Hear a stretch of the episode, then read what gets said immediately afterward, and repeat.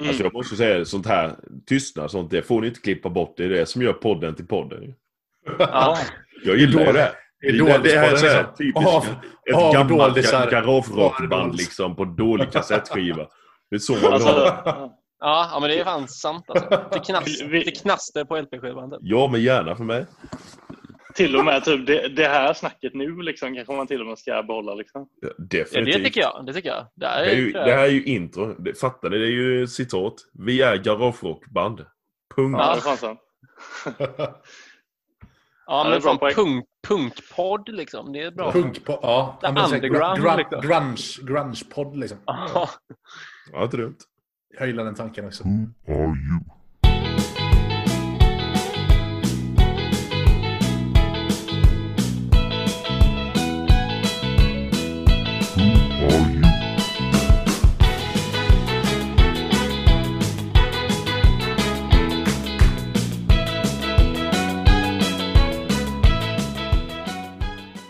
Nu spelar jag in tror jag. Alla hör alla fortfarande. Jajamän. Jag vet inte varför jag måste kolla det varje gång. Ja, eh, Doldispodden den 19 april är det va? Eh, Yes. nu har vi gjort fler än tre avsnitt så nu kan jag inte ens hålla koll på vilket i ordningen det är längre. Så jag, jag, jag går väl rakt eh, på sak då. Jag har ju nästan blivit introduktionsansvarig här. Jag känner att det är dags att överlämna det ansvaret snart. Men eh, eftersom jag är eh, i stor grad skyldig till att dagens gäst är här så är det väl ändå på sin plats att jag, att jag eh, drar ett intro. Då. Um, det, det, och det var lite, det, det var lite jobbigt. Jag var, jag var lite nervös när jag, när jag frågade kvällens eh, gäst faktiskt eftersom att eh, det här är ju min, eh, min forna podd, podcastkollega. Då.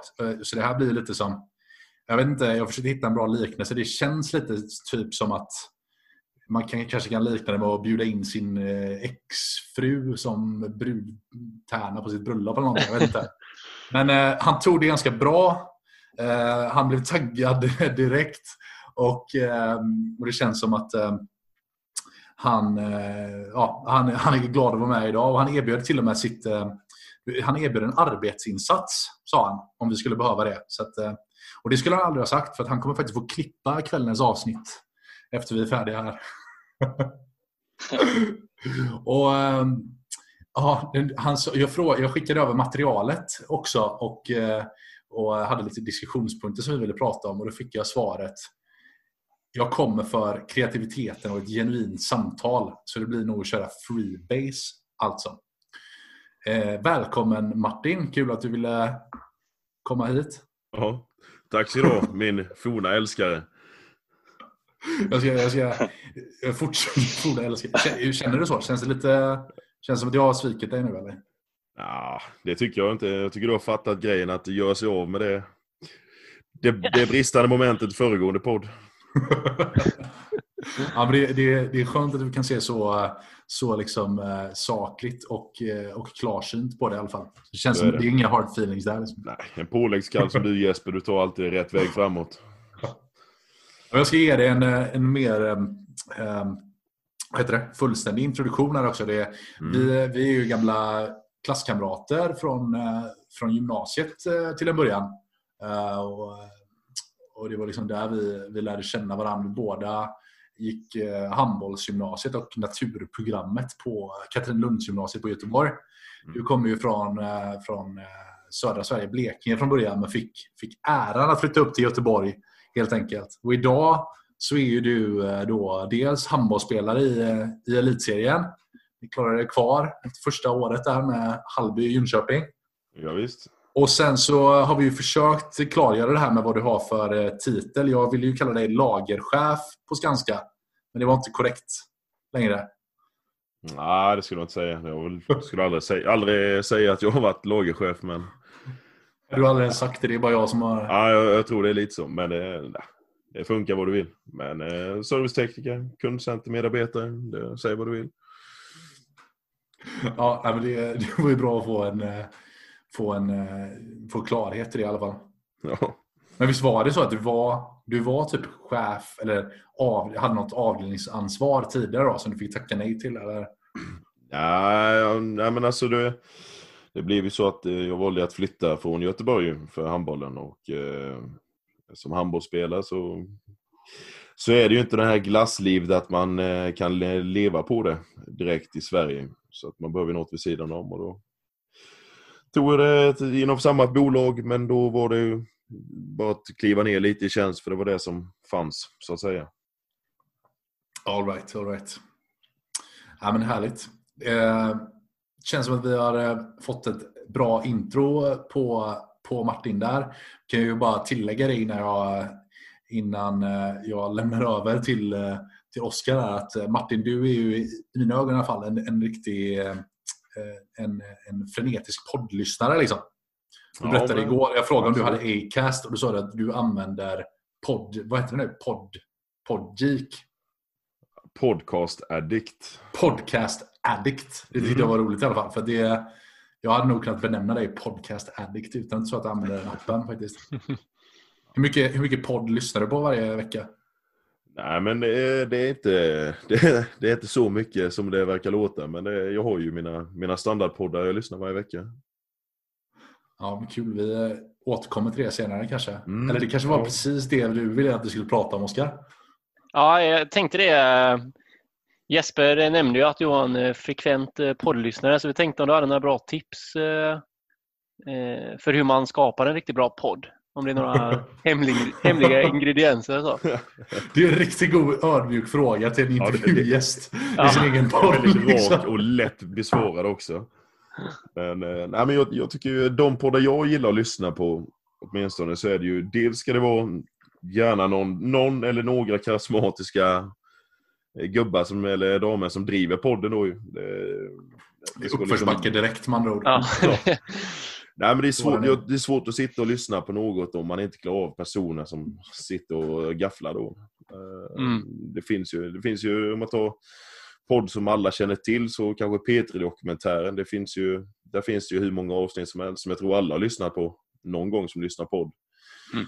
Och där är det ju verkligen, det kan vara ett jätteintressant ämne, men så är det fel typ av röst i, i min smak kanske som har ett avsnitt och då, då skippar jag att lyssna på det. Så Mm. det, det är väl jätteviktigt och sen, är, ja, som du säger sig själv, att det ska vara ett intressant ämne så det är något, något man vill lyssna på. Ja. ja, nu när man tänker på det är det en jävligt svår fråga att svara på på något annat sätt.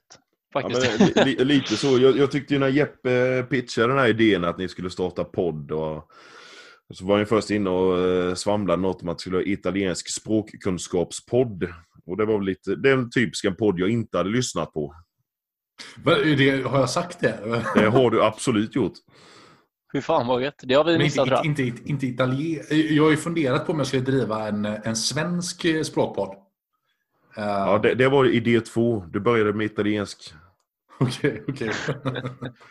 Så jag tycker att du kokade ner soppan jättebra när du kom och pitchade Dålispodden. Det, det är ett koncept jag tycker är jätteintressant. Och jag tycker ju... Jag lyssnade på ett avsnitt här med militären. Det var ju, det var ju det var ett väldigt bra poddavsnitt. Ja, roligt att du tycker Ja. det. Kul. Det var kul Ja, att eh, tycka Han var ju, Krille, han var ju riktigt intressant alltså. Mm. Att, eh, Spännande historia att lyssna han på. lyfte oss. Ja, det är lite så. Ja, nej, verkligen, verkligen. Men vad, vad lyssnar du på? Liksom för ty, eller du nämnde P3 Dokumentär och så, men är det mycket, är det mycket samhälle och sånt? Eller är det, så här, är det vetenskap eller utbildning? Ja, du sa ju inte italiensk språkapp då, så jag förmodar att det inte är Nej, men det, Språkutbildning du det, efter. det är blandat. Det är lite träning, lite humor, eh, lite samhäll, samhälle, lite mer filosofiskt och vetenskapligt. Så det är rätt så brett egentligen. Senast du, du brukar ju tipsa mig om poddavsnitt med jämna mellanrum. Jag tror Mm. de två senaste. Först så uh, tipsade du mig om ett avsnitt, jag kommer inte ihåg vilken podd det var, men då hade de bjudit in typ en fysiker från Berkeley som var svensk som diskuterade, vad var det? Typ kärnkraft? Eller någonting. Ja. Och sen, sen eh, så nu i veckan så tipsade du mig om ett avsnitt med någon, eh, vad var det? Alltså jag kommer inte ihåg vad det var, någon psykolog eller någonting som pratade om eh, lättkränkthet kränkthet inom olika akademiska Nej, dok, dok, doktor eller professor är hon väl eh, snarare. Eh, Ja. Charlotta Inom- Stern. Inom sociologi och så är jag på Stockholms universitet då. Är det, är, det liksom, är det ett ämne som intresserar dig? Sociologi just, eller är det mer så här typ du gillar alla typer av diskussion om vetenskap och...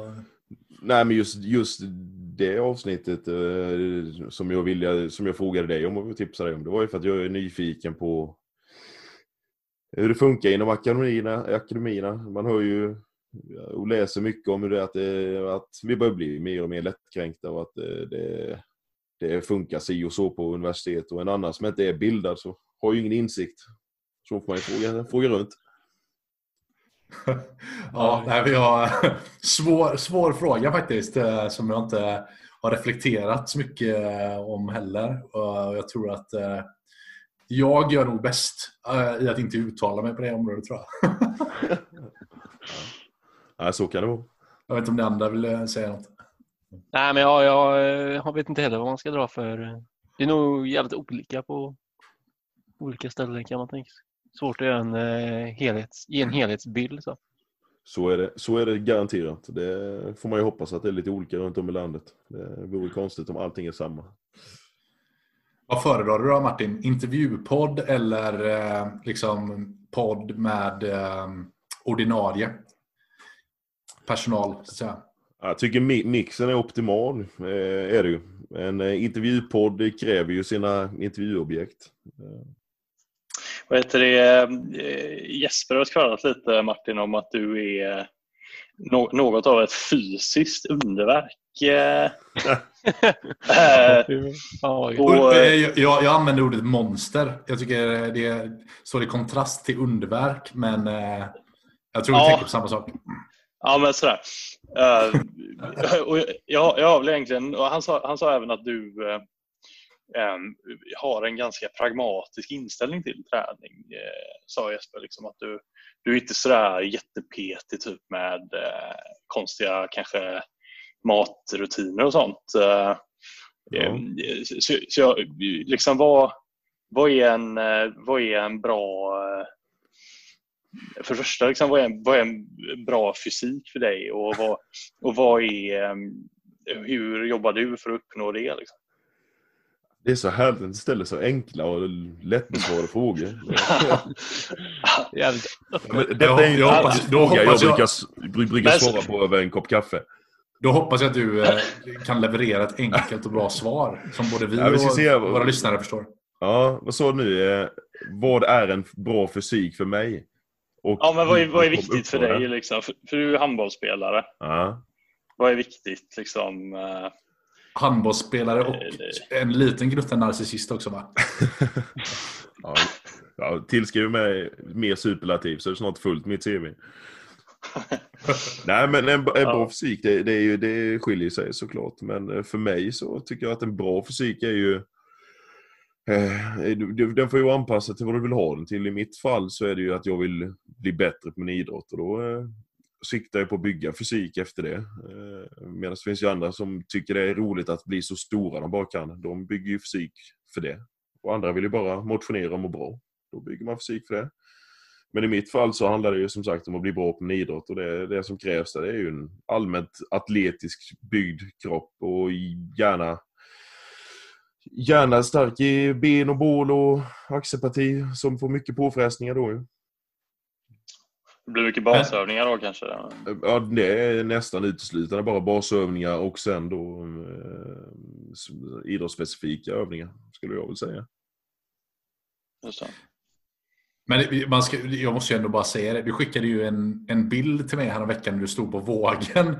Jag vet inte om det var morgon eller kvällsvikt, men eh, ja, får man gå ut med siffran där eller? Ja, kör på. Ja, men det är så här, du väger alltså 116 kilo eller? Ja, 114 skulle jag säga. Herrejävlar. Men eh, säg 115 så är vi i mitten. För jag menar, det, det, det är ju en ganska imponerande... Det jag vill få sagt här, jag har ju också ett förflutet inom handbollen liksom, och du, du är ju eh, en extremt välbyggd handbollsspelare. Liksom. Det finns ju fler som väger så mycket. Men det här vet du liksom bättre än jag, men de som... Det finns ju inte jättemånga andra som väger 114 kilo utan att vara liksom ja, men den låga fettprocenten som du har. Liksom. Ja, så kanske det är. Jag är inte så...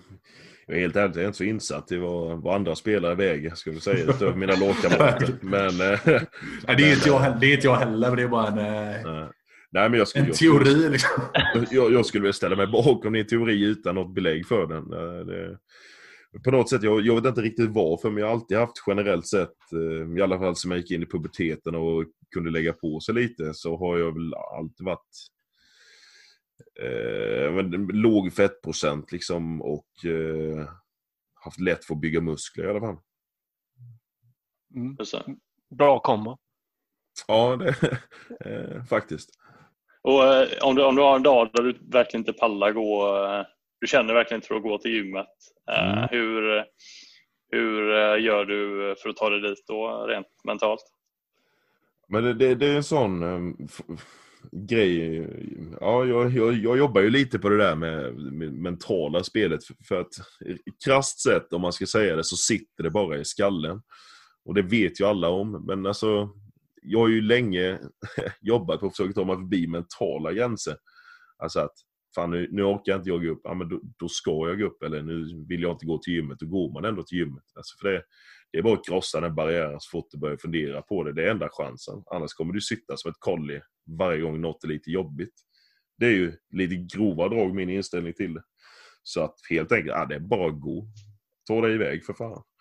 Men är du, är du liksom, det är ju många som säger det, att allt sitter i huvudet och bla bla bla.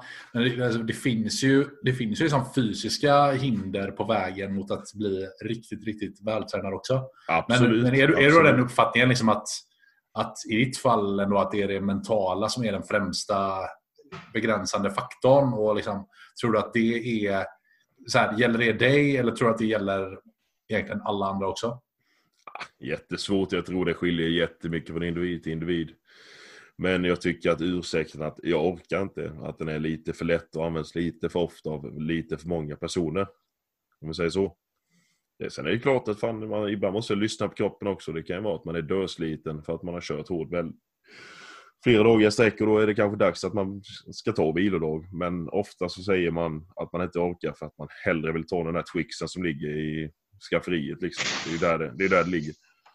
Jag känner mig träffad. Alltså. Jag käkade en Twix tidigare. Jag har inte varit på gymmet idag. Det gjorde jag också. Jag har inte heller varit på gymmet. Ja, okej. Ja, men det var ju skönt. Ja, nu kommer det fram. Ja. Men jag, jag tänkte bara, jag är, för jag är lite nyfiken på att prata om det, om den fysiska liksom, biten också lite mer innan vi, innan vi släpper träningsspåret där. För Mm. du, eh, liksom, min bild är ju ändå att du, du gillar ju styrketräning, alltså även inom, även bland liksom, ja, handbollsspelare på elitnivå så är det ju, det är ju rätt många liksom, eh, som, som kanske inte drar det hela vägen in i kaklet. Att man, Mm. att man, du vet, så här, att man blir svinbra på, på, på styrka. Du vet, så här, det, det, eh, bland idrottare, liksom, även på rätt hög nivå, så tror jag det är ganska enkelt att fastna i det här med att du vet, man går till gymmet och tränar biceps och kör lite bänk. Alltså att man Mm. fortfarande gör det som är, som är nice på playan. Liksom. Ja, precis. Och, och jag, jag kommer ihåg det när vi tränade tillsammans när vi var lite yngre. Liksom, att eh, så här, du, du var ju hästlängder framför mig när det gällde att eh, så här, göra knäböj och fri. Alltså, du gjorde ju den typen av övningar som inte jag behärskade. Liksom. Ja. Och de som jag behärskade kunde du lyfta ungefär två gånger så mycket i vikt. Mm. Och det, det, när, hur kommer man dit? Du, du var ändå ganska ung redan då. Liksom. Jag vet att du är garanterat ännu bättre nu, men hur hamnade du där från början? För jag menar, alltså började du lyfta knäböj och frivändningar när du var åtta typ? Eller? Nej, jag inte åtta. Nio. Eh, okej. nej, men... eh, nej, men det... ingen ingen säga- stress här.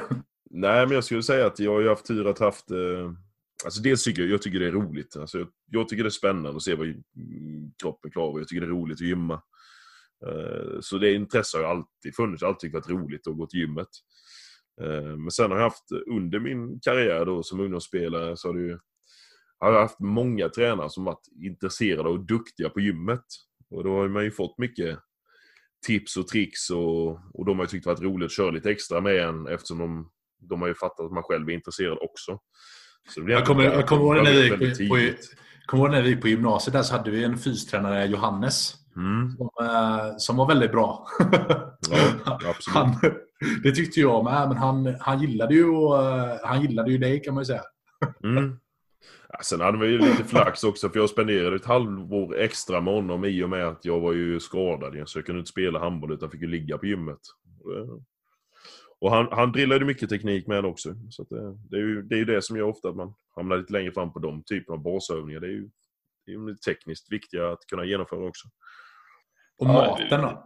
Förlåt, nu kör Mattias. Jag skulle bara säga det. Här. Det var, var bra ändå att hitta en, om man säger Silje som kan guida detta. Liksom. Mm. Men, eh, eh, men ja, precis som Jesper säger, kosten är ju intressant också. Vad, vad käkar du under en typisk dag? Liksom?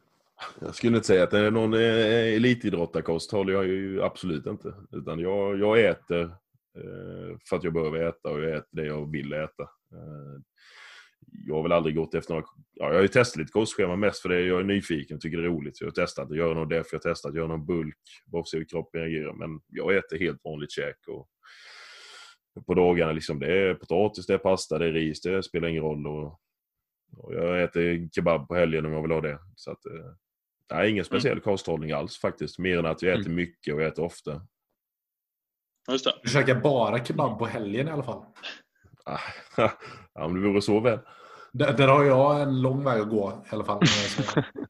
ja, du, du bor lite för nära mossens äh, där Jesper. Ja, precis. precis. Ja, det, det är en tung last du har burit med dig i många år. Men käkar du, käkar du mycket, alltså så här, eh, liksom, käkar du svin mycket mat liksom? Ja, det är alltid relativt. De, de, de flesta skulle säga att jag, att jag gör det som känner mig åtminstone. Men jag tycker att det är rimliga portioner och rimlig mängd och rimligt ofta. Ja, det är bra. Men jag skulle säga under dag kanske jag käkar ska vi se, en, två, tre, fyra, fem, sex mål i alla fall i varierande storlek. Ja, då snackar vi ändå stabila Vi snackar inte en, ett äpple liksom. Nej, men alltså typ frukost, stabil frukost, stabil frukost, Eh, kanske eh, kvarjonfrukt, lagad lunch, sen lite kvarg och något, någon macka och sen något litet ytterligare och sen lagat käk igen. Mm. Har inte jag hålla koll på räkningen här, men sa du stabil frukost två gånger för att ja. du äter två stabila frukostar? Jajamän. Fan vad jag äter, jag, äter en innan, jag äter en innan jobbet och en på frukosttiden på jobbet. Ja, okej. Okay. Mm. ja, det, det, var, det var rätt länge sedan jag åt, jag åt en stabil frukost tror jag. ja, alltså jag äter ju max en ostabil frukost. Liksom.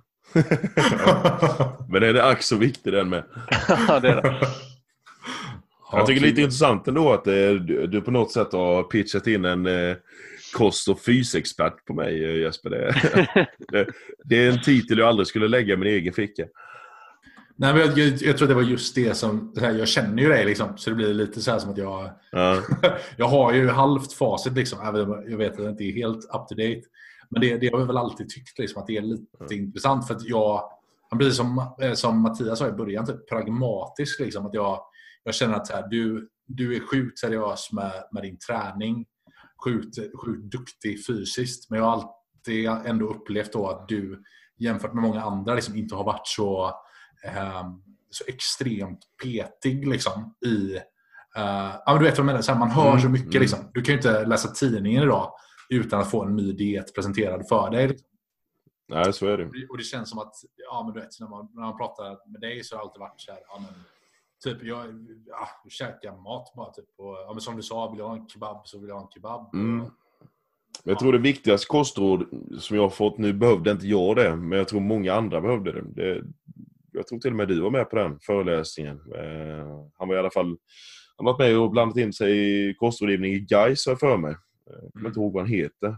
Men det, han såg ju det. Han gick runt och frågade oss då vad, vad, vad käkar ni efter en träning? Så det var någon, någon svarade att de inte käkar alls. Någon svarade ja, men två glas cola, cola och någon svarade jag drick och boy med ostmacka. Och då tyckte väl alla att fan nu kommer han såga oss. Han bara, ja men det är skitbra ta ett glas cola till om du vill ha det. Drick mer O'boy. Och så alla liksom tittar lite frågor på honom. Vad, vad fan menar du? Ja, det viktiga är inte vad ni äter, utan det är att ni äter. Punkt.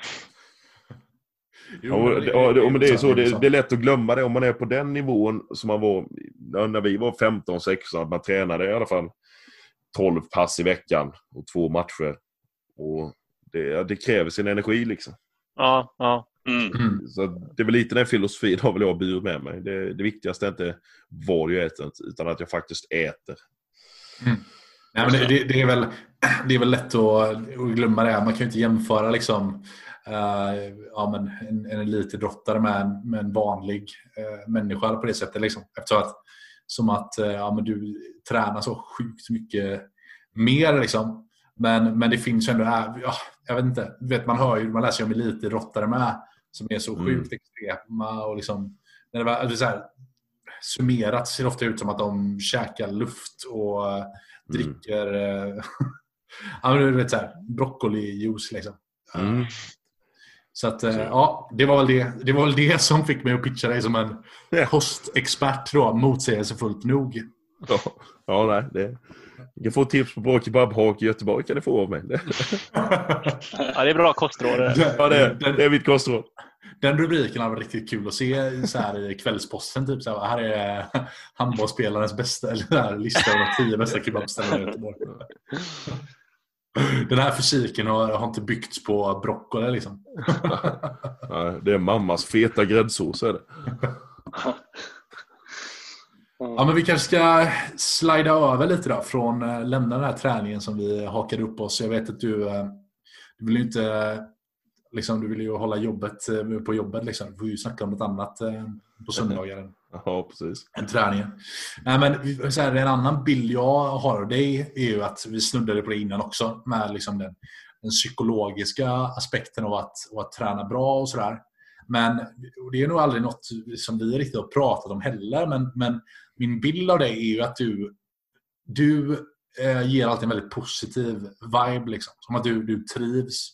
Och ja, som jag skrev i mina anteckningar, att du, du ser ut utifrån som att du, du älskar din vardag. Liksom. Jag vet att du, så här, ja, men du, vet, du, du tar dig upp på morgonen. Jag tror att sen jag lärde känna dig så har du varit sjuk typ en halv gång.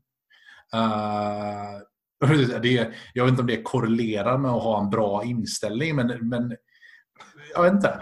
Och jag vet inte om det här är sant heller, men man, man upplever ju ändå det utifrån och bara det är ju intressant. Liksom. Hur, Ja, är...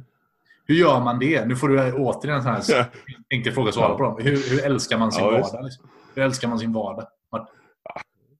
Ja, alltså, ja det, det är väl positivt att jag lyckats förmedla det budskapet. Så att du har lyckats snappa upp det. det, ju, Vi kan, det vi, kan ju börja, vi kan börja med den frågan då. Älskar du din vardag?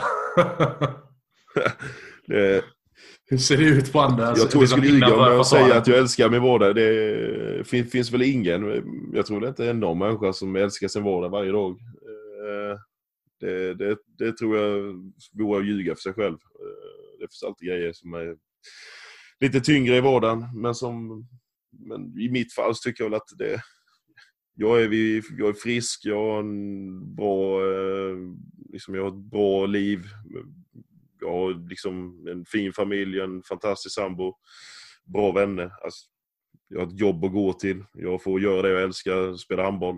Eh, Synd att klaga. jag, jag, tycker, jag, tycker, jag, tycker, det är det jag man gnäller på, det är detaljer i det stora hela. Liksom.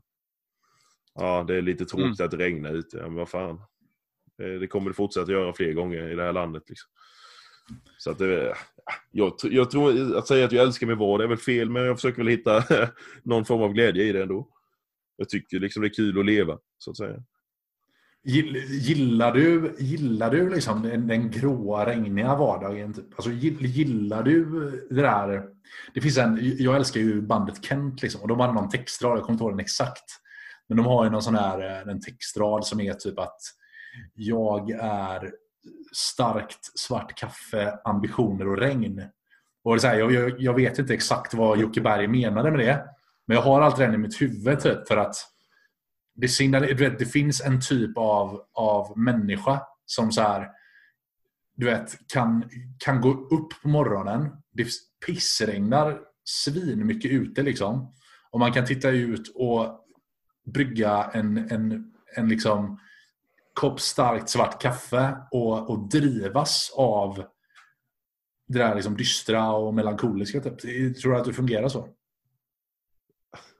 Ja, det, det hade varit oerhört sjukt att bara titta ut och njuta av att det ösregnar ner. Men fast, ja, då, ja kanske. Kaffet är lite godare när det regnar ute. Jag förstår Ja, men alltså, det, det, finns, liksom, det, finns, det finns en typ av människa som, som är så här, ser det vädret, tar sig till jobbet och det första han säger är liksom "Ja, fruktansvärt väder ute idag. Sen finns det de som är så här bara är det inte lite gött att det regnar så man får vara inne och jobba idag? Ja. ja, så är det väl. Jag, jag Vilken- tror jag är en blandning. vilken jag, kategori jag tillhör du? Ja, Jag tror jag är en blandning av dem med bägge. Så, men jag, ty, jag tycker väl det är många i, idag i alla fall. Det känns som att många idag tänker så jävla mycket. Uh, alltså det, det är så viktigt att det måste vara rätt luftfuktighet ute. Det måste liksom vara medvind när jag ska gå till bussen. Det får inte vara att jag glömt något hemma. För att då liksom har man vänt vardagen upp och ner. Jag, jag, jag tänker väl inte så mycket, jag lever bara på. Det, det är Ja. kanske det som gör att jag uppfattas som lycklig. Sjukt intressant eh, poäng. Eh, det, Håller, du, håller du med om det Mattias? Att det, folk tänker för mycket? Ja, eller så att det garanterat kan ju vara så att man fastnar i, som du säger Martin, fokusera på det blir då att man fokuserar på allt möjligt som kan vara fel istället för att bara ta det lite som det kommer. Då. Och, eh, det, det, det, kan jag, det kan jag känna igen mig eh, personligen och det, det är jag nog inte ensam om. Tror Nej, jag tror det, det ingår i någon slags eh, mänsklig psykologi. Där. Att man, man tar det som är bra för givet och så tänker man på allt som är dåligt. Liksom. Jag tänker på en typisk golfrunda. Typ. Så, är det inte jävligt sjukt hur folk inte blir glada när de slår ett bra slag? Men alltid blir arga när de slår ett dåligt slag. Fast någon typ kör 50-50 på en- vanlig runda. Jag vill bara börja, jag, jag Men kan inte, det, jag kan inte minnas... att göra med... Jag kan inte minnas hur det känns att slå ett bra slag. Och jag, det, är, det är jag säker på. Det är för att jag har inte slagit ett bra slag på 7-8 år. nej, men, ja, nej. Fast är inte Men det, det- lite det ett vad man- psykologiskt problem som alla golfare har? Är att de anser, alla anser ju att de borde kunna slå hyggligt rakt och hyggligt långt. Och då när man slår någon gång rakt och hyggligt långt, då ska man ju inte premiera förväntat beteende, eller? nej, Så nej. lite för alla golfare. Mm. Ja. Ja, nej, men så, så tror för att inse nidbilden att har man 36 i handikapp, man köpte klubbor för 16 år innan Dackefejden. Fan, det kommer gå lite tungt idag. Ja, det är en bra poäng. Men jag tror det finns någon slags analogi i det hela i alla fall. Att man, eh, det är lätt att fokusera på sakerna som inte går ens väg. Liksom. Eh, När man ändå har eh, ett jobb där man trivs och ja, Verkligen, verkligen. bra, bra omständigheter i övrigt. Liksom, utöver just att det regnar. Typ. Men känner- man gör ju likadant. Liksom, så att, det Men ja. Hur känner du på handbollsplanen Martin? Liksom? Är, det, är det samma som på golfbanan? Eller, eller, eller så här, är du... Uh, hur hanterar du liksom motgång på handbollsplan? Är det så här, shit, nu eh, uh, missade jag mål eller uh, du är lite försvarsexpert också, nu missade jag att slå ner den här killen. Liksom. Går du och grämer efter det eller är du liksom... Det är väl fördelen man är en sån tempofylld idrott som är att man hinner inte tänka utan du måste sortera väck och gå och fokusera på nästa uppgift. Eh, men det är klart som fan man grämer sig om man gör en, gör en dålig insats eller en dålig, dålig aktion på plan. Det, det är klart man gör det. Men man fokuserar också och vet mm, man är ju på den nivån som man vet vad man har gjort fel och vet vad man bör göra annorlunda. Sen är det så, vissa dagar funkar det, vissa dagar funkar det inte. Eh, så det gäller att det är, det är svårt. Det är, det är så situationsbaserat. Men eh, oftast brukar jag inte tänka så mycket på grejer som blivit dåligt där och då under matchen. Utan det är kanske snarare när man kommer hem och ja, börjar, börjar gå igenom matchen i huvudet. Och, ja, då frågar man sig själv varför skjuter jag så dåligt eller varför, varför missar jag den situationen där? Eller, Ja, jag, Eller jag- tänkte, jag tänkte... Ja, förlåt. Nej, men även att man då försöker tänka på det positiva. Att det var, Fan, det var schysst där att jag lyckades smälla upp den i krysset. eh, Eller att jag fick stoppa honom bakåt. Ja, men jag tycker det är väldigt... Man är ju väldigt glad, till precis som man är på golfbanan. Som man är på golfbanan så är det ju... Man är ju väldigt glad för att trycka på det negativa, men man behöver ju fundera igenom lite sina positiva grejer också. Ja, för jag, jag tänkte just det, liksom, det som Oskar touchade på där innan. Att man ofta, okej om man är på golfbanan, och det är nog lite extremt då, för att så här, golf är ju, det kan ju inte liknas vid, vi kanske är elitidrottare i ett jobb heller, men man kanske ändå har en tendens att ofta, och det finns ju någon sån här typ, vad är det det heter, loss aversion, att vi är liksom eh, inneboende i oss människor så är vi mer rädda för att förlora än vad vi typ vill och njuter av att vinna. Liksom. Och det är lite det jag är intresserad av att trycka på. Där, liksom. vad, vad känns mest? Är det, att, är det att missa krysset eller är det att sätta den i krysset? Liksom? Nej, det är att sätta den i krysset. Det blir man gladare för än att man blir ledsen för att man missar.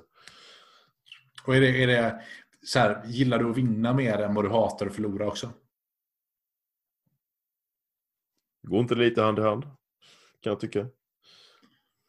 Ja, det kanske Klart man vill Ja, vinna. så ja. det, Men det är klart man, jag, jag tycker att det, man, man vill jag vinna och hata och förlora. Det går lite hand i hand, men... Ja. ja, ja. Nej, men det är okej. Ja, jag får väl du säga att jag hatar att förlora ändå. ja, det får jag, för annars hade jag blivit orolig. För det finns nämligen sagt forskning som visar på att det är så det ska vara. Försöker fly från frågan här när han vet. Han har gett svaret innerst inne. ja, så är det ju. Nej, men jag, tycker det är, jag tycker det är en intressant grej. Liksom. Och där, där kan vi ta oss in på... Precis som, som det alltid blivit i alla avsnitt nu så är vi way off vår initiala idé med podden här. Men, men jag kör på liksom. Eh, just det här med, med loss, loss aversion. Liksom. Jag tror det heter så, ni får rätta mig om jag har fel. Och att, att det ändå finns en tendens att folk är Uh, ja, man, man, man är mer rädd för att förlora än vad man typ älskar att vinna ofta. Uh, alltså ett klassiskt exempel man brukar ta är ju så här, typ, aktiemarknaden. Liksom. Att, eh, så här, den negativa känslan av att förlora tusen spänn på aktiemarknaden är liksom större jämfört med den positiva känslan av att vinna tusen spänn. Vilket är ett väldigt, väldigt intressant fenomen. Liksom, för ekonomiskt så är de ju liksom identiska. Uh, det, det här, man kan dra det där väldigt, väldigt långt. Jag, jag tror ju på något sätt att uh, nu kommer jag ju, eh, nu kommer jag ju Eh, måla in den här frågan i ett hörn och få det svara det jag vill igen. Men, men liksom, att, att, att kanske vara lite annorlunda där. Att vara eh, som individ då, om man ska prata i ekonomiska termer, att man helt enkelt värderar framgång mer än vad man eh, värderar förlust. Då, då blir man mer eh, riskbenägen och kan faktiskt komma lite längre. Alltså med handbolls, i handbollstermer då, liksom, om, man, om du ser, eh, om vi översätter det till pengar, liksom, den här vinsten mot, jag vet inte, vilken är den tråkigaste bortamatchen ni har? Liksom? Ja, det, det, eh, pff. ja, det hade varit Rimbo, men de spelar ju inte längre. Högsta ligan. Så det. ja, men jag Nej, jag vet men alltså, jag, Du vet, jag tror... Jag, jag menar bara så här, om, om man kan om man tänker så här, om man ser en vinst mot ett lag med ett mål, den är värd 100 000 och sen ser man en förlust med ett mål, eh, att den är värd minus 50 000. Då kommer man ju liksom gå för vinsten oftare. Och Det finns alltså forskning som tyder på att människorna är oftast liksom är mer rädda för den här förlusten än vad de gillar att vinna. Och Det gör ju att det kanske ligger något i det. Du, du är på hög nivå med din handboll. Liksom. Eh, Det kanske är det som krävs, att faktiskt vara lite annorlunda där. Um, Alltså, jag tror, jag, tror, jag var det- Fanns det någon rimlighet i det jag sa nu? Ja, ja men jag, jag, jag tänker nog mer att jag blir mer förbannad om jag förlorar och grämer mig mer av en förlust än att jag jublar och firar över en seger. Det var nog lite mer så jag tänkte. Men det här med rädslan för, Ja, jag- rädslan för mer- att och vilja vinna. Jag skulle, jag skulle aldrig tveka att ta det sista skottet och vara den som bommar matchen. Mm. Mm. Det är nog en jävligt viktig grej, måste det där vara. I idrott. Ja, Eller ja, men det måste det ju vara helt enkelt. ja, men, ja, men så är det ju. Alltså, men jag, det tror jag är viktigt Det, i det, vanliga världen det, också. ja, och det, det tycker Mm. jag är en väldigt, väldigt intressant eh, aspekt. Liksom, som, är, som verkligen ställs på sin spets i, i ett sånt läge som, som liksom, eh, i, i lagidrott eller elitidrott. Men som, som du säger finns i hela livet. Och det, och det var det jag, jag sökte. Liksom, det här ja, men vad ska man säga, risktagandet och, och eh, Mm. Benägenhet att, faktiskt, att våga ta risk. Vilket det här faktiskt är. Liksom. Eh, det är väldigt intressant att prata om. För jag, det, det är ju, ja, som du säger, du, du har säkert den inställningen då att du är beredd att, att dra ett sista skott och riskera att, att det antingen blir eh, maximal utdelning eller maximal förlust. Liksom. Men alla har ju inte det. Är du med? Eller skulle så här, vad är din bild Ja, där? är. För jag, där är min känsla att det ser man ju som åskådare av en handbolls eller en fotbollsmatch att det finns ju olika individer i varje lag som skiljer sig åt på det sättet. Mm. Ja, men jag- alltså jag tycker det är rätt så, eh, det finns rätt så många situationer i vår, vanliga livet också där, där det gäller. Det, det kan vara en sån grej om du har, ja, du har en anställd, liksom, om du ska våga sparka den eller inte våga sparka den. Att du, du, du, ofta är det de som är, de som är chefer, är de som inte är rädda för att ta beslut, till exempel. Är du Mm. rädd för att ta beslut så kan du inte vara chef. Alltså det, när det väl brinner, vad gör vi, vad gör vi? Ja, då är det du som ska peka och säga, så här gör vi. Jag tycker väl att någonstans att eh, nå- någonstans där med risk, jag, jag, jag har inga problem att ta, eh, ta risken eh, så länge den baseras på en någorlunda form av kalkyl, liksom, att det är någorlunda välbalanserat. Att Ja, men det ska vara vad, blir, för, vad blir förlusten för mig om jag förlorar? Liksom? Ja, det blir det här och det här. Vad blir vinsten? Det här och det här. Ja, jag lever med det om jag förlorar. Exakt, och det, och det, är det, det det det är ju det som är det svåra både på handbollsplan och i verkliga livet. För du sa det ju själv innan i, i de här situationerna. Du vet, det är tre sekunder kvar på matchklockan och det är oavgjort. Eh, då, då är det kanske svårt att göra en, en uttömmande riskanalys. och precis som att... Ja, men den är rätt, jag tycker den är rätt så lätt där, för där är det så här, ja du bommade, Okej. ja, och vem skulle ta skottet istället? Och det var ingen som tog det. Nej, precis. Jag hade det okej. chansen på vinst. Så att det blir lite så här, där, det är det är förlusten är ju ingenting. Säg att det är 10 sekunder kvar då, och det är passivt spel. Du måste alltså skjuta inom någon sekund och sen har motståndarna 10 sekunder på sig, 5 sekunder på sig att kvittera. Liksom, och dra det till sin spets. Mm. För det- då, där Ja, måste ja. du. Där är det ju omöjligt att... Man kan inte ha ett styrelsemöte innan man väljer om man ska skjuta eller passa då. Liksom. Nej, men det, det är svårt att sätta det, sätta det i något som jag har levt hela mitt liv. Det, det sitter ju i ryggraden där på ett annat sätt. Ju. Eh, Mm. Men om man säger att det skulle vara en ny situation så tror jag inte det skulle vara så enkelt. En- Alltså en situation man inte är van vid åtminstone att stå i. Mm.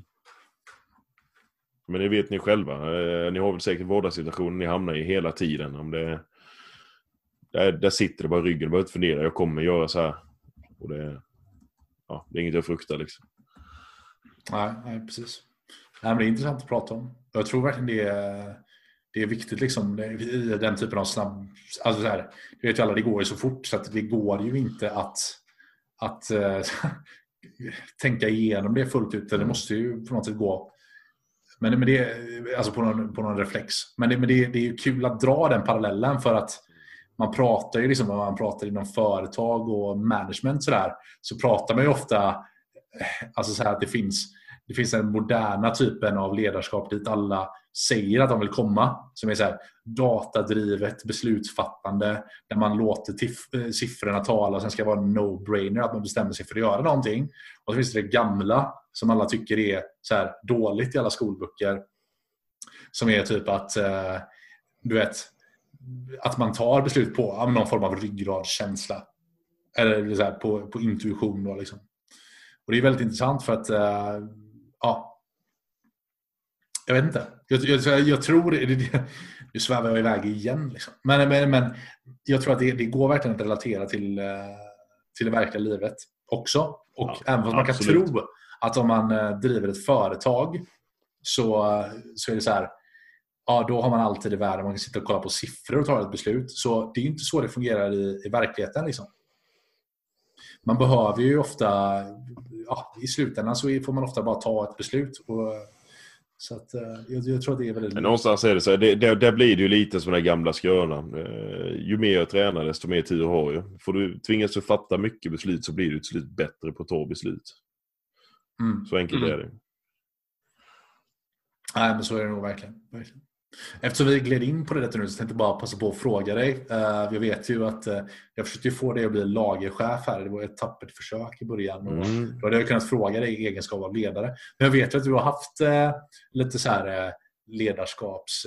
Eller jag säga, ledartjänster på, på dina tidigare jobb. Liksom. Du har ju Mm. varit typ avdelningschef på ett lite större lager ett tag innan och sådär.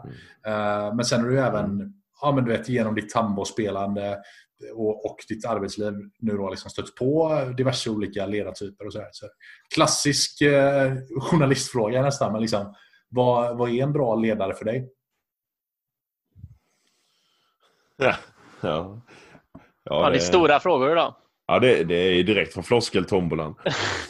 Ja, vi har inte kommit till frågan om hur man löser världsfreden, men eh, den blir Nej, nej, det, det kommer. Så det här, bara, det, här är bara, det här är bara uppvärmning. Är en bra chef? Det är, det, är så, det är så svårt. Alla är ju olika där. Men, men vad jag personligen gillar hos en chef, det är ju en chef som eh, sätter sig in i det han ska fatta beslut om. Jag tycker jag har haft många, både inom i min idrott och mina jobb, eh, som inte riktigt vet vad de snackar om när de ska fatta beslut. Samtidigt som jag kan tycka att en chef kan ju vara för upptagen för att sätta sig in i allt. Men då behöver man ha folk, eller hon, behöver ha folk runt omkring sig som, som han eller hon kan lita på och kommer med rätt feedback så han, kan, han eller hon kan fatta rätt beslut. Eh, sen gillar jag ju, jag gillar rak, rak kommunikation extremt mycket. Eh, jag vill drillade det genom alla mina år i handbollsvärlden att jag Tycker någon att jag är skit så säger jag att jag är skit. Liksom. Jag har inga problem att ta det. Men att, så länge man inte med, håller på med massa, massa ja, men, vad ska man säga, inte, inte står för det man tycker eller inte säger det man vill säga. Eller försöker du vet, måla upp bilder. Utan ut med språket. Så, en- ja, men men- typ så här, man, man, man, får, man får ge kritik om man är liksom saklig och stringent typ, i, i den Mm. kritiken man ger. Är det... Det är bara att köra. Alltså, så, en chef som tar beslut på bra grunder och vågar säga vad den tycker. Eh, och, och, ja. ja, men gå och snacka med helt enkelt. Det är egentligen de enda två som krävs att det ska funka någorlunda bra, tycker jag, både i, både i handbollen och eh, eh, på jobb. Men Du, du touchade på det innan, liksom att en, en chef ska ta bra beslut och vara välinformerad och, och sådär. Och det kan man göra på, på olika sätt. Alltså, typ, genom att läsa på själv eller, eller vet, så här, analysera saker och ting själv eller och, och, ta hjälp av andra som man litar på. Sådär. Men det finns ju liksom så här, det är en väldigt eh, komplex värld vi, vi lever i. Oavsett om det är handbollen liksom, som är komplex som sport eller om det är om vet, om man håller på med affärer och håller på i liksom en, en komplex världsekonomi så är det ju så här. Det går inte att veta allt. Inte ens om man är, som man är eh, chef. Liksom. Och jag, jag tror lite så här att en, en viktig egenskap för en bra ledare det är att veta sina egna begränsningar faktiskt. Alltså dels att veta om det, att veta det typ att ah, okej, okay, jag, nu, det här har inte jag koll på. Liksom. Det, här är, det här är kärnfysik, jag har noll koll. Eh, och, Mm. eh, alltså så här, att inte tro, för att vissa kan ju bli du vet, nästan lite maktgalna i den bemärkelsen att typ, jag, är, jag är ledare, jag är herren på täppan, jag Mm. kan allt. Om jag säger att kvarkar inte finns så finns de inte. Jag säger det i egenskap av VD på ett klädföretag. Eller, vet, så här, eh, det var ett sjukt exempel. Men, men jag tror att det är väldigt viktigt. i Egenskap att förstå Mm. vad man förstår och vad man inte förstår. Men också att, att som du, du pratade om rak kommunikation innan. Att vara rak med det och våga liksom erkänna det också. Då. Det var, var, det var li- lite så jag tänker, för det, för det, är lite, det, det går in lite i rak kommunikation för mig att våga säga att jag, jag, jag behärskar inte det här. Jag behöver hjälp. Och sen då om man då fattar ett beslut på de bästa möjliga grunder man har där och då och det går åt pipan, att man kan säga ja, men eh, det var det vi visste här. Där och då, och det blev tyvärr fel. Liksom. Jag får ta på mig den och får hoppas på bättring nästa gång. Men att, jag tycker ofta man försöker hitta en syndabock och skylla ifrån sig. Och det gäller ju eh, i vardagliga livet också. Han är inte bara en chef, men att jag tycker man måste ta mer ansvar för sina egna handlingar. Mm. Ehm, Klokt alltså. Bra ledarskapstema på den här podden hittills. Krille var ju också inne på att snacka ledare. Ja, det är jag som driver. Jag tänkte jag, tänkte jag skulle börja sitta... Som är så jävla management-sugen det- Jesper. jag tänkte jag skulle, när du började prata om eh, när du började prata om att ta ansvar, jag tänkte jag skulle börja citera min, eh, min guru där, Jocko Willink. Har du, har du sett honom Martin? Eller? Ja, det kan jag inte påstå. Där har du, där har du den mest välbyggda och liksom, eh, eh, ja, vad ska man säga, tuffaste Navy Seals-gubben som jorden någonsin har sett. Och han, eh, han är ju ledarskapsexpert nu och Han pratar mycket om extreme ownership som är det du säger om att ta ansvar för sina handlingar mer eller mindre. Men eh, ja, han har tagit det till sin extrem kan man säga. Verkligen. Jag, jag har lyssnat lite på honom också och han, eh, han menar ju på att det får extremt positiva effekter då ju eh, om varje person i en organisation, inte bara ledaren, följer det här och att alla tar väldigt mycket Mm. ansvar då för, för sin del. Då får det extremt positiva följ, följdeffekter på det stora hela. Då, liksom. Um, är tanken. Han är, han är, han är cool ja. och han är dessutom en sån här gubbe du vet. Eh, bara kolla, kolla en 10 minuters Youtube-video på honom på måndag morgon liksom. Då eh, behöver du varken sova eller äta resten av veckan för att göra ett bra jobb. Liksom. Ja, det är sjukt... sant. Eh, ja, man blir motiverad liksom. Jag Han kan är tänka mig. Men, och, och de som kanske tycker lite som inte behärskar det engelska språket lika väl, för det lär ni säkert ha någon lyssnare som är också, så är det ju svenska motsvarigheten till det kanske kan vara Paolo Roberto. Han är ju Ja. någon som driver den tesen extremt mycket också, att ta ansvar för sina handlingar. Ja, han är man fan motiverad av att lyssna på alltså. Nej men verkligen alltså. Och det är typ eh, jag... eh, Alltså vi brukar ju kalla, säga att det här är typ framgångspodden fast de vi intervjuar inte har gjort 200 intervjuer innan liksom. Jag lyssnade på det här avsnittet med Paolo Roberto för, för några veckor sedan. Och det var ju liksom eh, sjukt, sjukt bra och sjukt motiverande. Men och det, det är ju så här enkla grundprinciper som är vet, så här, det är ingen raketforskning att att förstå sig på. Ta ansvar, eh, liksom, gör saker ordentligt, fokusera, jobba hårt typ. Men, men om man verkligen kan praktisera det till fullo liksom, så, så gör det, kan det göra stor, stordåd. Känns uppenbart.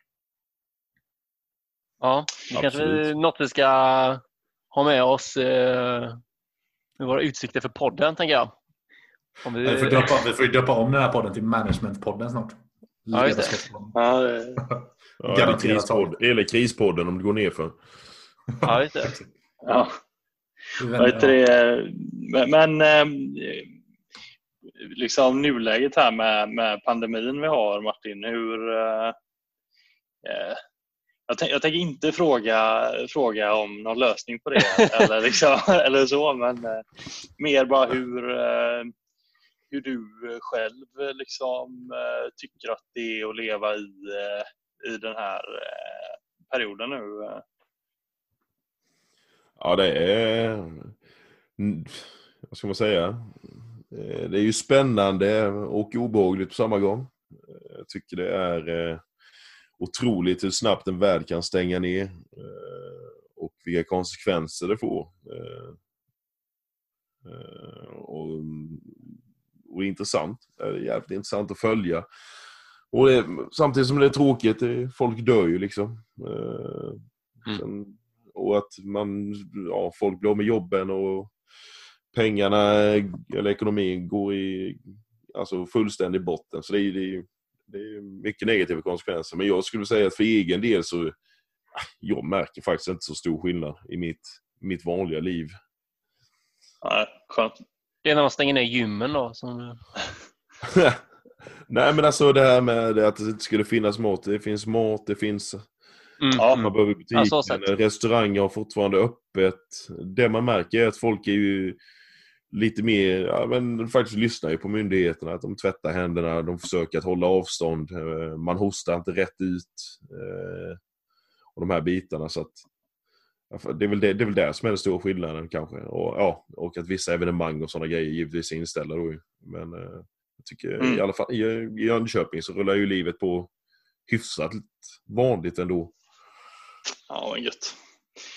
Det Om vi inte ska fråga Alltså- när du tror att coronakrisen är över. Tror du att klimatkrisen är löst nu Martin? Nej, jag jag. Ja, jag, jag, det, det, det är faktiskt intressant där. För jag, jag tror ju att det här, alltså, man har ju sett effekterna nu av ja, hur snabbt planeten ändå uppenbarligen klarar att återhämta sig. För att det ser ju jättebra ut med luftvärden och havs... Allt möjligt. Det har ju varit hur mycket som helst på nyheterna. Att, ja, men du vet, simma in eh, delfiner i Venedig igen och man kan se toppen av skyskraporna i Kina och, och så vidare och så vidare. Däremot så tror, tror jag någonstans att när vi ska komma igen allt underskott vi har hamnat i nu så kommer det bli tio gånger värre antagligen. För man ska ju hinna ikapp med produktionen. Mm. Jag vet inte. Jag, jag kan inte. Jag gissar att det bör vara så. Ja, men det låter rimligt. Känns som folk kommer vara taggade på att konsumera igen. Lite När så. de, när de väl kan. Eller hur man nu ska säga. Lite Men, så. Ja. Sen får man väl se. Det, det, det, som sagt, det, jag, jag, tycker, jag, tycker det, jag tycker det ska bli intressant att följa efterdyningarna åtminstone. För att det, några huvuden kommer ju rulla. Så är det ju bara. Mm. Vil- Vilka huvuden då, skulle du säga? Nej, men nå- någon kommer ju kräva ansvar. Att någon kommer ju, ja, men du ser, Trump vill ju plocka Kina, Kina vill plocka USA. och Nej, just. Just. Diverse folk här vill ju hänga Tegnell på Stortorget liksom. Så att det, ja, det kommer ju bli, det kommer ju bli rörigt när man ska reda ut det här, den här skiten när den är färdig. Mm. Nej, verkligen. Och det, där, där får man ju ändå säga att än så länge så, så känner jag mig fortfarande, vi pratade om det i våra första avsnitt, där, jag, jag, jag känner mig fortfarande ganska stolt över, över att vara, vara svensk just nu faktiskt och liksom vara en del av det svenska samhället. Nu ska vi inte bli politiska här, men jag tycker fortfarande att så här, det, vi, än så länge ser det ut som att vi hanterar det ganska bra och vi har liksom gjort det genom ett så här, individuellt ansvarstagande liksom, och, och med en lugn och sansad ton hela tiden. Det tycker jag ändå är, det är imponerande på något sätt när man ser vad som är, händer runt om i världen. Sen är det ju det här, sen inser man ju det att det spelar inte så stor roll om vi hanterar det här i Sverige heller eftersom att vi har liksom det finns en värld idag, vi har hamnat i en situation där vi är så otroligt beroende liksom, av, av du vet, så här, Ja. alla andra länder för att allting ska fungera. Liksom. Man är ju liksom världsmedborgare lika mycket som man är svensk medborgare idag i någon, i någon mening. Eh, Ja men så är det. så att, så att det, där, det, det, ja, det kommer nog verkligen vara en annan värld vi kliver ut i på, på andra sidan Mm. av det här. Nu har vi ju nästan snuddat in på världsfred. Så ska vi inte ta det också då? Nej, jag skojar bara. Stora krav på dig, Martin. Ja men det, det, jag är van vid det. Passar vi på också att fråga, för jag, jag tror att Jesper du nämnde även lite, skvallrade lite till här liksom om att eh, du är, eh, är eh, intresserad av samhällsfrågor Martin, lite grann liksom eh, nyhetskonsumtion. Hur, hur, tycker, hur jobbar du för att få tag i bra nyheter? Ja du, bra nyheter det är väl, det är väl svårt att Ja. säga om Bra det man nyheter. får tag på är bra. Men jag, men jag, jag försöker Ja. läsa my- mycket olika, eh, olika nyhetskällor åtminstone. Eh, Och sen bilda en uppfattning på det då. Det, är- det är väl egentligen det enda man kan göra. Jag tyckte bara Ja. så här, jag, jag, jag, funderar på det här. Liksom, för det finns så sjukt mycket information att få tag på. Liksom. Så sjukt mycket olika nyhetskällor. Liksom, eh, inte bara att det finns 10 000 tidningar. Sen finns det 10 000 alternativ till tidningar också. Och det blir liksom inte minst påtagligt när hela världen tvingas sitta hemma och, och liksom följa utvecklingen via nyheter på tvn, på, eh, eller på, på internet eller sådär. Då.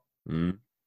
Och jag själv så här, jobbat lite med det här det sista, för jag, jag har funnit mig i den situationen tidigare. Liksom, att jag känner att det finns mer information än någonsin och den är liksom tillgänglig på, på ett tangentbordstryck. Men ändå känner jag att jag inte jag får inte en klar bild av någonting. Liksom. Och det, det är ju material för filosofiska rummet här, men liksom, det, det, det där tycker jag är intressant att prata om. Typ så här, att man, man, man, eh, man pratar alltid om att vi är så sjukt typ, informerade och så väl utbildade och up to date om allting för att vi lever i ett informationssamhälle. Samtidigt kan man ibland känna sig mer vilsen än ever. Liksom. Mm. Ja, men jag tror väl ändå det, är- det, är- det är som du säger, det är svårt att eh, filtrera allting som kommer in och, och så. Det är så mycket intryck och det är från höger och det är vänster och det är ju rött och det är blått och allt vad det kan vara. Men jag tänker väl, jag läser ju det som intresserar mig. Eh, alltså om, om det är något jag är intresserad av. Så det är då jag läser det här, det här som är som du pratade lite om innan i tidningarna. Den nya 5.2-dieten och modetipsen för hösten. Den här skiten rullar jag ju förbi. Och så, så hittar jag något som jag tycker är intressant. Då, då läser jag det. Liksom. Vad tror du om, eh, vad tror du om sociala medier, medier då, Martin? Är det, är det en bra informationskälla? Jättebra. Jag tror, ja, men jag, jag, jag, jag, jag, jag, Nyansera det svaret lite. Ja, men jag, jag tror det är jättebra. Eh, felet det man gör är att man, många litar ju blint på det, det folk skriver på sociala medier. Men många, många skriver ju väldigt bra. Eh, det, det du får göra är att ta lite ansvar. Om du, det, det är att gräva lite, kan det här stämma? Gör din källkritik som du har fått med dig sedan skoltiden. Mm. Så liksom så här, det, ja, men det finns jättemycket bra skribenter och krönikörer som använder sina medieplattformar för att bygga sitt eget varu- varumärke. De skriver mycket bra och sanningssedel inte är med. Så att, eh, absolut, hämta information och nyheter från sociala medier är, är inte alls fel. Jag, jag tänker också typ att så här, för, för vissa ändamål kan sociala medier vara, vara jättebra. Liksom. Alltså jag, vet, här, jag vet forskare som använder Twitter som, eh, som liksom främsta kommunikationskanal för, för att hålla sig up to date om vad, vad kollegorna publicerar. Liksom, som är så här, vet, cutting edge inom ett forskningsfält. Mm. Men, men, men jag tänker mer kanske ja, men, som, som så här, det, det kräver ju som du säger att man gör sin källkritik liksom, och att man är väldigt medveten i sin, i sin konsumtion av media om man ska läsa sociala medier hela tiden. Och det är ju inte alla som, som orkar vara det. Liksom. Nej, så Jag tänker, så här, det, på ett sätt så, vet, så här, att, att, att lyssna på en, en etablerad mediekanal kan ju, vara, kan ju ge ett bias också. Då. Men, Mm. men de har ju ofta ändå en, en liksom, då har man kanske ändå ett fåtal mediekanaler som man vet vad de står för och de håller samma linje hela tiden. Men på sociala medier så blir det så här, det kommer infall från alla möjliga håll och det är omöjligt att veta vad som är, vad som är rimligt i slutändan för det är så mycket. Liksom. Mm. Nej, men det, det, kommer, det kommer du inte komma undan i ett sånt där informationssamhälle som vi lever i. Men det får ju någonstans vara ditt ansvar. Vill, vill du sprida skit och rykten så ja, kör, kör fritt. Eller tar du reda på sanningen. Det, det är tyvärr inte mycket mer att välja på, tror jag inte. Nej, men det är bra. Alltså så här, det är väl också en perspektivsfråga. Man får ju tänka att även om man då inte kan ta reda på sanningen, så, eh, eller vad man nu ska säga, gå till botten med saker och ting, så handlar det väl om att fatta att eh, ja, det kanske kan vara så här eller så är det så här. Liksom. Eh, Jag vet inte riktigt liksom, vad som är rätt och fel här.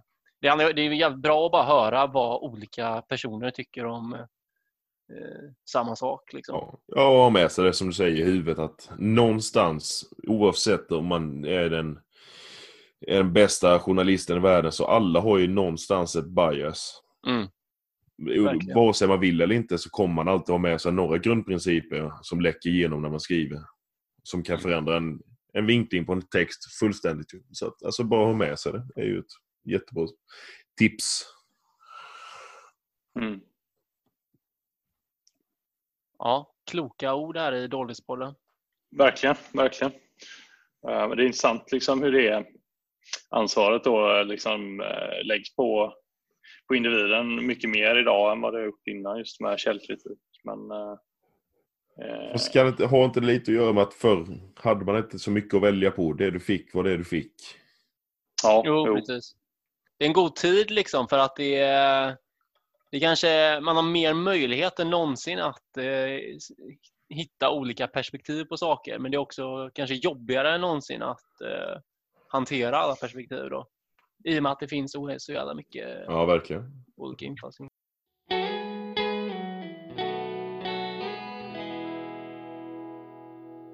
Vi, vi kanske skulle prata lite om svenska språket istället. Ja, jag... Ja, där kan jag ju tillägga att eh, i och med, jag var ju är en av era trogna lyssnare i er gamla. Eh, Pöbens magasin. Du var vår lyssnare liksom. Ja, eh, det kan ju funnits fler. Det vet jag inte. Eh, Men eh, i alla fall så uppskattar jag väldigt mycket ert eh, inslag om, eh, som var liksom relaterat till det svenska språket. Det var era favoritord och såna här grejer. Ja, just det. Ja, exakt. Det är, kul att du säger det, Oskar, för det var exakt det jag, jag tänkte eh, nämna och, och bara fråga dig. Typ, eh, vad är ditt favoritord idag, Martin?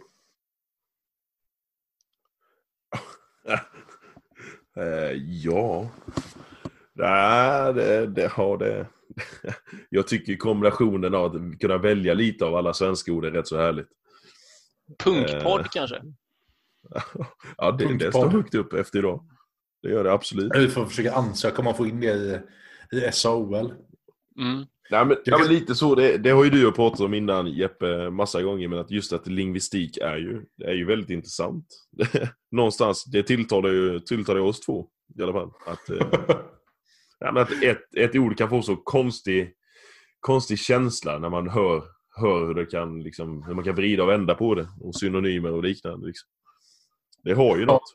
Det, det är någonting som tilltalar är det. Eh, jag, jag håller med dig verkligen. Alltså, jag älskar ord. Men, men jag, jag, jag vet inte varför. Liksom. Nej. Vad är det det. som gör det intressant? Alltså, det, är så här, det, det är bara något... Eh, ja, det, det, det är nästan som att det är något förbjudet. Liksom. När man hittar ett gammalt ord som inte används sedan 1800-talet. Det är nästan lite, så här, det är lite förbjuden frukt. Liksom. Det så. lite små, småbusig. Gör man. Sen kan man ju ta, eh, jag som har flyttat runt lite olika ställen då ju, så man får snappa upp den dialektala eh, och de här mer liksom geografiska orden som är väldigt specifika. Det, Mhm. det är ju extremt intressant. Vilka, vilka, jag kan dra eh, tre stycken, kan ni få gissa här vad det kan vara för något? Då? Mm. Mhm. Du har för, du har Det förberett. här gillar jag. Alltså, det här är en bra Ja, vi kan ta så här, om, om man gidrar fil, vad gör man då? Om man gidrar. Snack, snacka skit. Ja, Ja, det tänkte Det jag. Mm. det, det är ju lite så här logiskt kan man ju tycka. Eller ja, ja. om man, Logiskt, man, men jag hade aldrig sagt det själv. Liksom. eller om man säger att man eh, tjorar något, vad gör man då? Tjorar. Ja, Fixar klart. något. Lånar. Ja sno. Så att nästan. Snos. Ja, usch. Och det är lite så här, men det kan man ju ändå så här, kä- känna att det, det är rimligt. Ja. Men nu, nu- om man går över på det här som är så här, det, det, det går inte ihop. Så har man ju en, eh, en eh, vad är en släng? En, en släng. Helt rätt, en hundralapp. Åh jävlar. Ja, den såg jag inte komma alltså. Sen har du ju en eh, mytromoj, Vilket sjukt ord. toalett. en, en ja.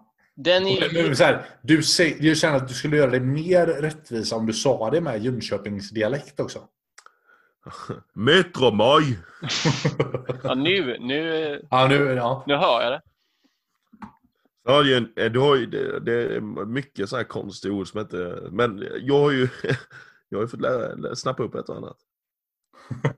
Jag har fan redan glömt orden. Släng eh, en hundralapp. Ja, och halvsläng 50-lapp.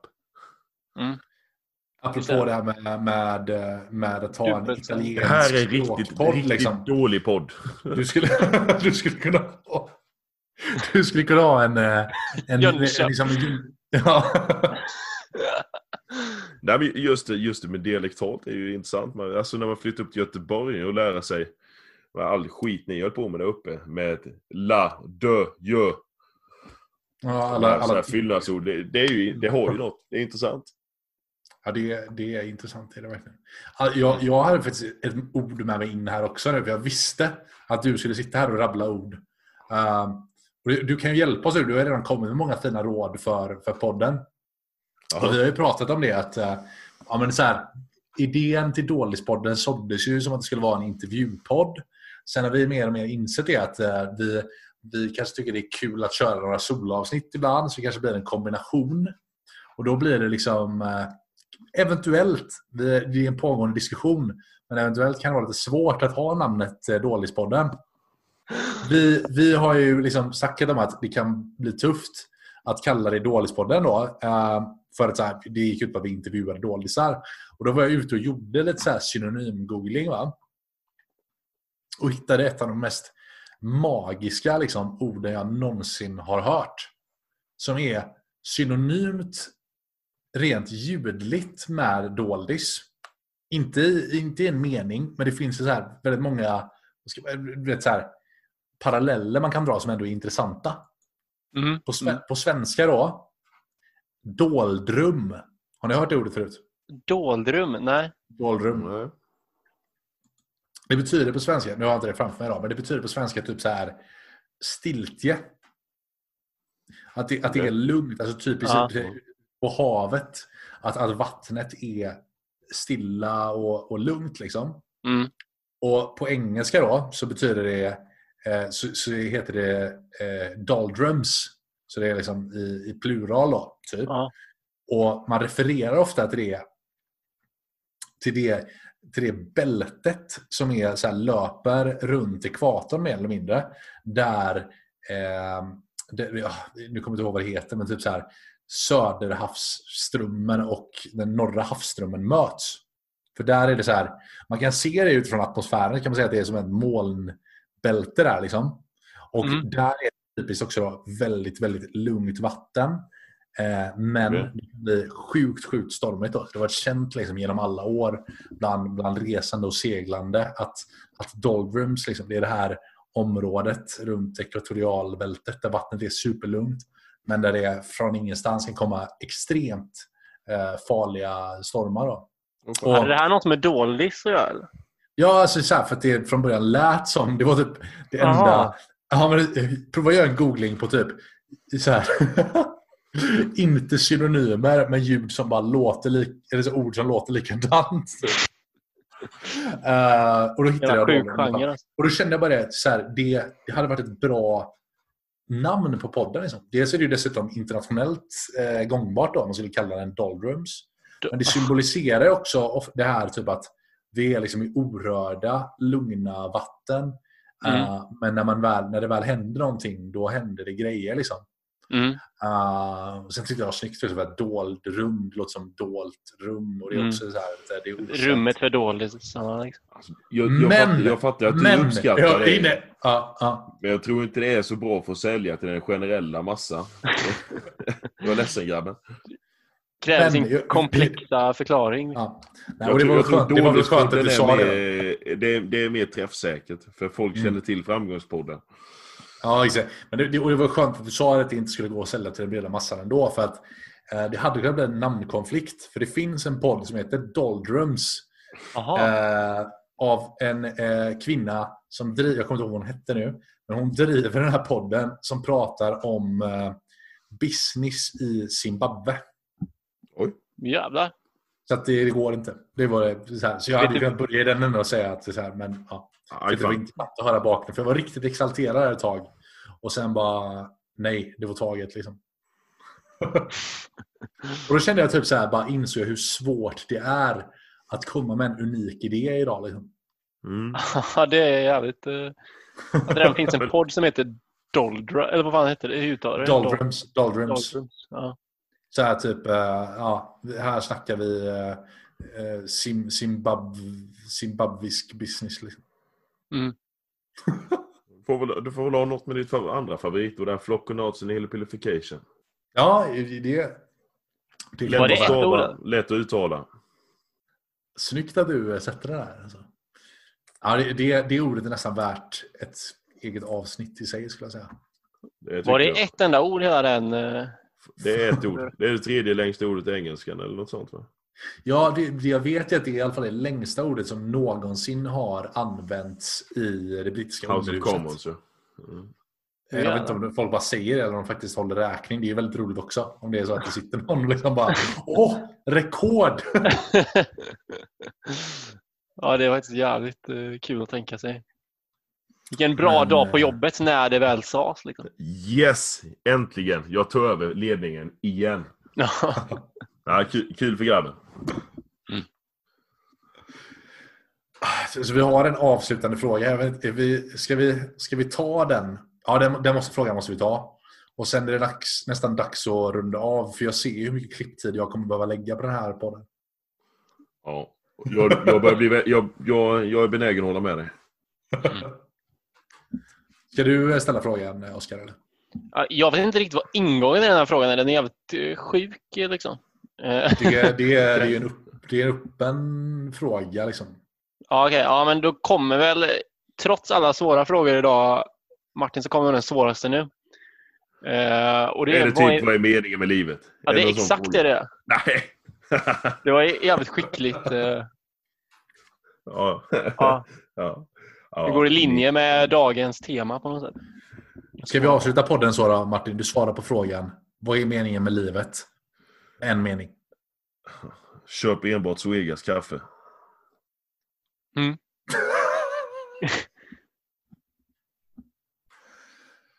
Ja, nej men det, ja, det, det var ett sjukt bra sätt att, eh, att eh, avrunda dagens avsnitt av Dålispodden helt enkelt. Ja, lite produktplacering. Det måste vi ändå klämma in lite då. Ja, men jag tänker någonstans behöver ni få in spons. Ja, men det är så Han, han, livet. han jobbar inte ens på lager, han jobbar på. Zoegas. Nej, men meningen med livet, det är, det är, det är jättebrett. I mitt fall, som jag tycker hur jag vill leva mitt liv, så är det i alla fall att jag, jag, vill, ha, jag vill leva ett tryggt, stabilt liv eh, och göra det jag, det jag tycker är roligt för stunden med de jag, mina nära och kära som jag vill umgås med. Eh, jag har inga problem med att rensa bort dem jag inte vill ha i mitt liv och lägga till nya. Och, jag lever, lever helt enkelt livet som jag vill leva det. Det skulle jag säga. Hitta, hitta, hitta, för att, för att liksom ha någon mening i livet så måste du göra, göra något som stimulerar dig. Som du tycker är roligt. Ja. Det var, det balanserat var, då. Ja, eller så drick Zoegas. Det- nu står det valet kvar. Ja, det, Och väljer ditt livsmotto här. Jag tycker båda två var väldigt bra i alla fall. Och, eh, Vi kanske ska låta det bli eh, slutord för eh, kvällens avsnitt helt enkelt. Ja, det låter bra. Riktigt trevligt att ha det här, Martin. Ja, jag, jag, jag får säga jättetrevligt att vara med. Jag har ingen aning om hur jag kvalificerade mig in efter en eh, för detta officer, men stort tack. Ja, men handbolls, handbollsmeriten talar för sig tycker jag ändå. Mm. Ja, så är det. Man är med i Dåligspodden för inte. Så. exakt, exakt. Det är precis det som är meningen liksom. Alla ska undra. Ja, det är Nej. gott. Nej. Ja, det var superkul. Tack Stort för tack. idag, säger Ja. vi så. Ha det bra. detsamma. Who